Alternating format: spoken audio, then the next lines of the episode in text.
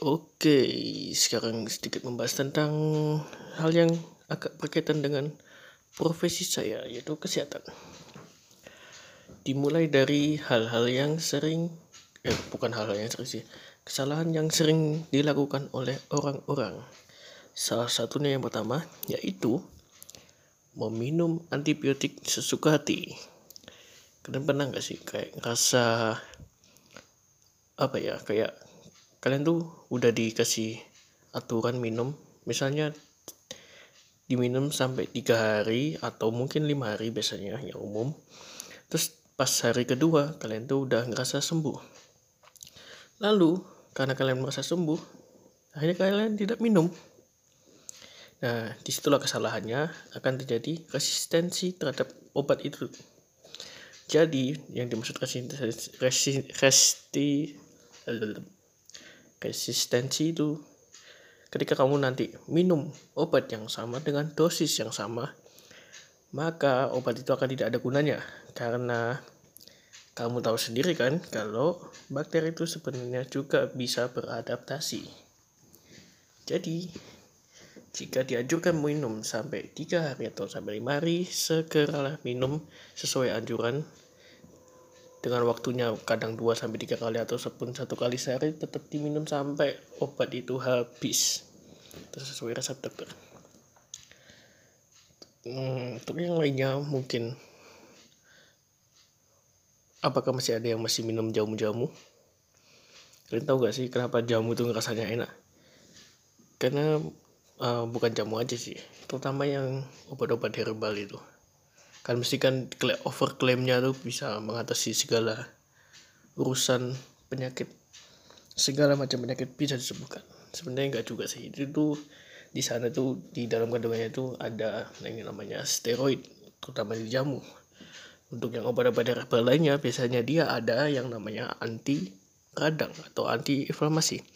Sebenarnya anti inflamasi itu sendiri ada di semua tanaman. Termasuk di rumput sendiri itu sebenarnya juga ada loh cuman kadarnya kan sedikit dan sebanyak tumbuhan lainnya atau tergantung jenisnya juga.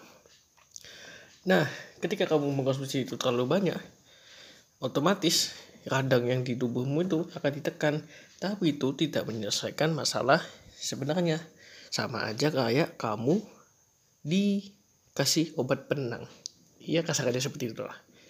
Jadi misalnya kamu ada kerusakan di organ dalam tubuhmu kamu masih merasa baik-baik saja. Tahu-tahu perutmu meledak. Ya, seperti itulah kasarannya. Masuk ke topik ketiga. Yang sering dilakukan yaitu keluhan. Uh, sepertinya saya sulit tidur. Apa yang harus saya lakukan? Kamu harus mencari tahu dulu kenapa kamu sulit tidur. Apakah kamu sedang depresi atau tidak? Kamu sedang mengalami kesusahan atau ini yang sering terjadi pada orang-orang zaman sekarang. Sebelum tidur kamu mesti megang HP ya kan? Zaman sekarang mana ada yang tidak megang HP nah di dalam HP itu terdapat blue screen yang kamu tahu cari sendiri apa efek efek samping dari blue screen terhadap rasa kantuk itu sendiri bisa berkurang karena dia sama saja kamu melihat sebuah cahaya UV dari matahari. Itulah kenapa kamu jadi tidak ngantuk karena kamu sering main HP sebelum tidur. Selain itu juga di dalam tubuh itu kita tuh memiliki siklus jam yang sama. Maksudnya gimana? Contohnya ketika kamu tidur jam 10 kalau kamu paksain tidur jam 8 itu pasti akan susah karena tubuhmu itu juga ada siklus jamnya juga jadi kalau bisa dipaksain dulu sih yang pertama kalau perlu jangan megang HP satu jam sebelum tidur dan juga jangan makan oke okay? itu yang banyak kesalahan juga makan langsung tidur sebenarnya itu menyiksa diri sih sama aja kamu menyuruh tubuhmu bekerja tapi kamu pengen tidur Selain itu yang keempat yang sering terjadi yaitu kenapa perut saya sakit. Kenapa saya mudah terserang mah? Sama seperti tidur, makan pun juga ada siklus jamnya. Ketika kamu makan jam 7, otomatis tubuhmu akan merespon, oh jam 7 saya, bukan saya sih, jam 7 waktunya untuk makan otomatis asam lambungmu akan keluar secara tersendiri karena kamu biasanya makan jam 7 nah ketika kamu nggak makan jam 7 asam lambung itu tetap keluar kalau terjadi berulang-ulang bisa rusak lapisan dinding di lambungmu juga makanya jadi mah itu jadi kalau bisa dimakan itu dirutinkan ya. Dan jangan langsung makan banyak-banyak. Makanya tuh teratur. Terus juga sebelum tidur juga jangan makan tadi sudah dijelaskan. Terus sama kalau makan sambal itu diperkirakan gak usah jadi sok kuat. Kamu tuh juga mau ngapain juga? Nggak ada yang dapat ngasih kamu hadiah juga kalau kamu bisa makan 100 juta lombok. Kecuali kamu ikut kontes. Itu pun mesti ada dokter yang mengawasi dalam acara lomba tersebut. Sedangkan kamu sok kuat makan sambal terus iya lidahmu mati rasa. Kamu tahu kenapa sambal itu pedas soalnya ada senyawa di bijinya tuh yang namanya kapsin itu tuh panas. Jadi kalau kamu bilang saya toleransi terhadap pedas itu sebenarnya saraf di lidahmu tuh udah mati kena panas. Sama aja kayak kamu minum air panas terus-terusan. Yang dimaksudkan itu berarti di lidahmu tuh udah mati rasa tapi kan di kerongkonganmu sama lambungmu kan juga tidak bisa beradaptasi masa kamu juga mau mereka rusak juga nunggu rusak semua gitu ah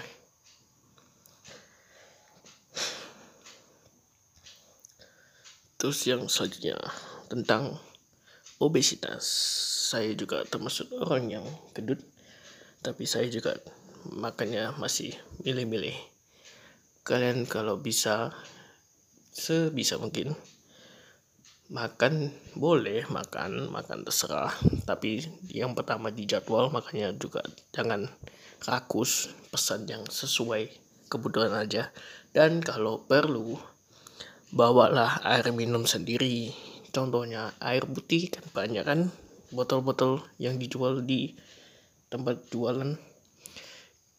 Atau enggak kalau minuman di restoran kebanyakan tuh gulanya banyak kamu minum satu es teh aja kadang kalorinya tuh sudah sampai 500 itu sama aja kayak makan. Atau kalau misalnya kamu beli sesuatu yang di semacam supermarket lihatlah sekali-sekali labelnya ya. Kan di situ kan ada kan biasanya kandungan nutrisi ataupun berapa kalori konsumsinya. Kalau kamu kurang kerjaan kamu bisa begitu lagi pula sekarang keting-keting juga banyak yang menyediakan food nutrition yang ada tulisannya kadar kalorinya berapa. Jadi nggak perlu ribet kecuali kalau kamu di desa ya mungkin kamu perlu menghitung sendiri apa yang masuk. Terus yang masih alasan saya tidak sempat olahraga tolonglah. Kamu tuh sebenarnya bisa berolahraga kapan pun. Kalau misalnya masih berdalih saya sering duduk di kantor kamu bisa melakukan aktivitas yang sedikit lumayan daripada tidak sama sekali yaitu gerakan kakimu saat kamu bekerja. Bisa kamu ayun-ayunkan ataupun kamu gerak-gerakkan yang penting tidak mengganggu kanan kirimu. Atau kamu bisa melakukan gerakan sit up tapi yang tidak terlalu intent seperti kamu membukukan lalu mengembalikan iya mungkin terdengar seperti orang gila kalau dilihat orang bilang aja saya lagi olahraga ringan. Itu juga bisa meringankan. Dan juga selain itu kamu bisa mengurangi uh, menyuruh-nyuruh OB itu mungkin juga sedikit membantu. Jadi kalau bisa kamu ambil sendirilah jalan lah atau mungkin ke kantor kalau tidak terlalu jauh kamu bisa berjalan. Atau ketika kamu mengambil transportasi umum turunlah di tempat yang sekiranya kamu kalau jalan nggak telat. Jadi kamu masih bisa berolahraga sebelum berangkat kerja oke? Okay? terus kalau masih alasan lagi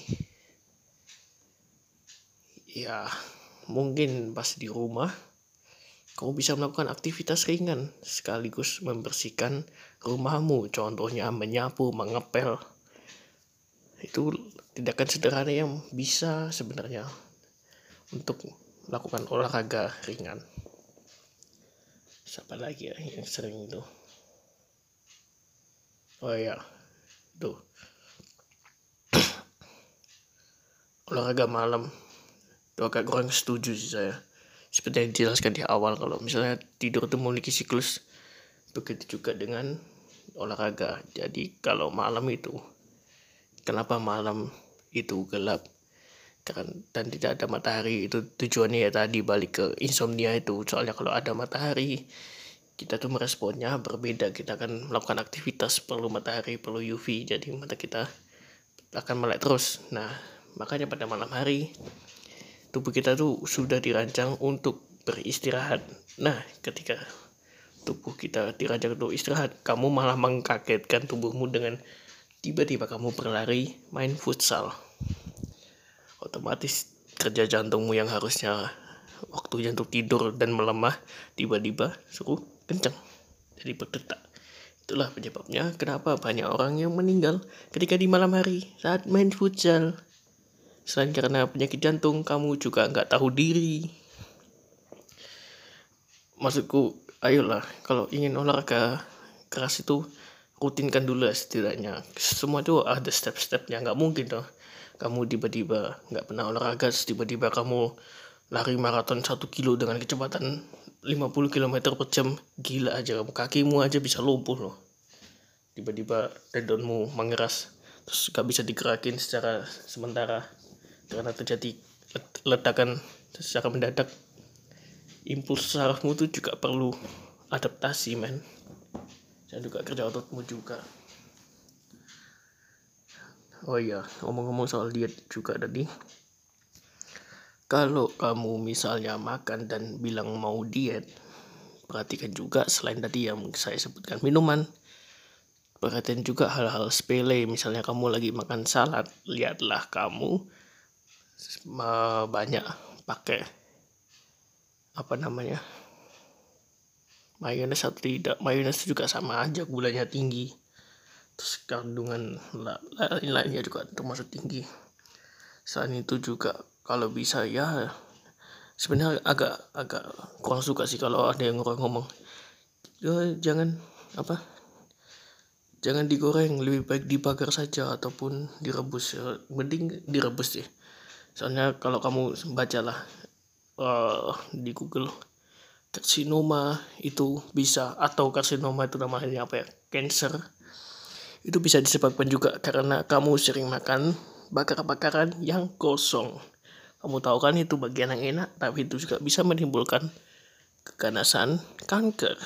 Jadi, kalau ingin uh, diet sekalian atau ingin menjaga tubuhmu, mending direbus saja sekalian, nggak usah diganti bakar semua. Oke? Okay?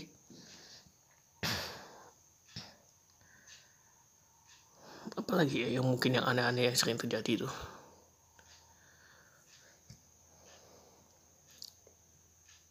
itu agak kontroversi sih kalau misalnya bilang dingin minum es batu itu bikin batuk. Sebenarnya itu juga bukan karena dinginnya sih mungkin karena esnya itu mentah air mentah. Atau kalau misalnya ke pilek mungkin bisa karena cuaca dingin tapi kalau batuk mungkin tidak ya itu lebih ke arah bakteri di es batunya itu sendiri. Siapa lagi ya? Oh iya. Kamu kalau lihat uh, orang-orang itu juga aneh gak sih? Kamu kalau apa namanya pemutih terus sama pembersih wajah itu kalau bisa belilah produk yang sudah berbepom untuk yang lebih jelasnya kamu bisa memfollow YouTube di Dr. Lee Richard. Itu juga lumayan menjelaskan tentang how to merawat wajahmu dengan benar tanpa membeli obat yang abal-abal. Karena ya kamu tahu sendirilah. Kebanyakan yang dijual di, di online itu sama kayak kamu mengikis kulitmu. Makanya terjadi yang namanya telengiektasis atau sampai saking tipisnya di kulitmu itu sampai pembuluh darahmu itu terlihat jelas di permukaan. Maksudmu maksud saya secara mata telanjang itu kelihatan jelas.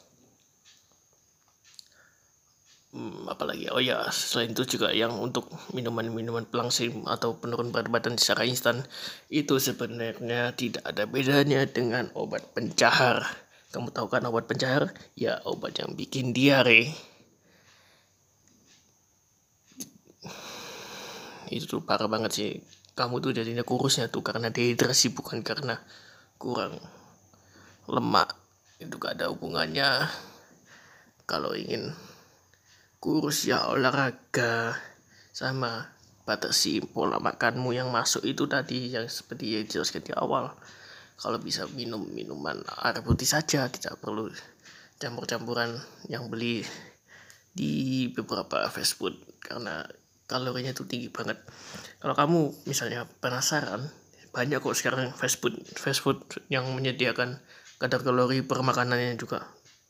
Selain itu juga banyak akun-akun yang sudah me apa ya meluangkan waktunya untuk meneliti berapa kadar kalori setiap makanan junk food. Jadi gunakanlah teknologi untuk mencari tersebut daripada melihat orang nyanyi ataupun joget-joget main.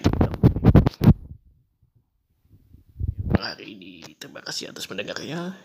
Jika ingin kritik dan saran jangan lupa link di email di agra m e d h a ataupun bisa di osfm di agraido terima kasih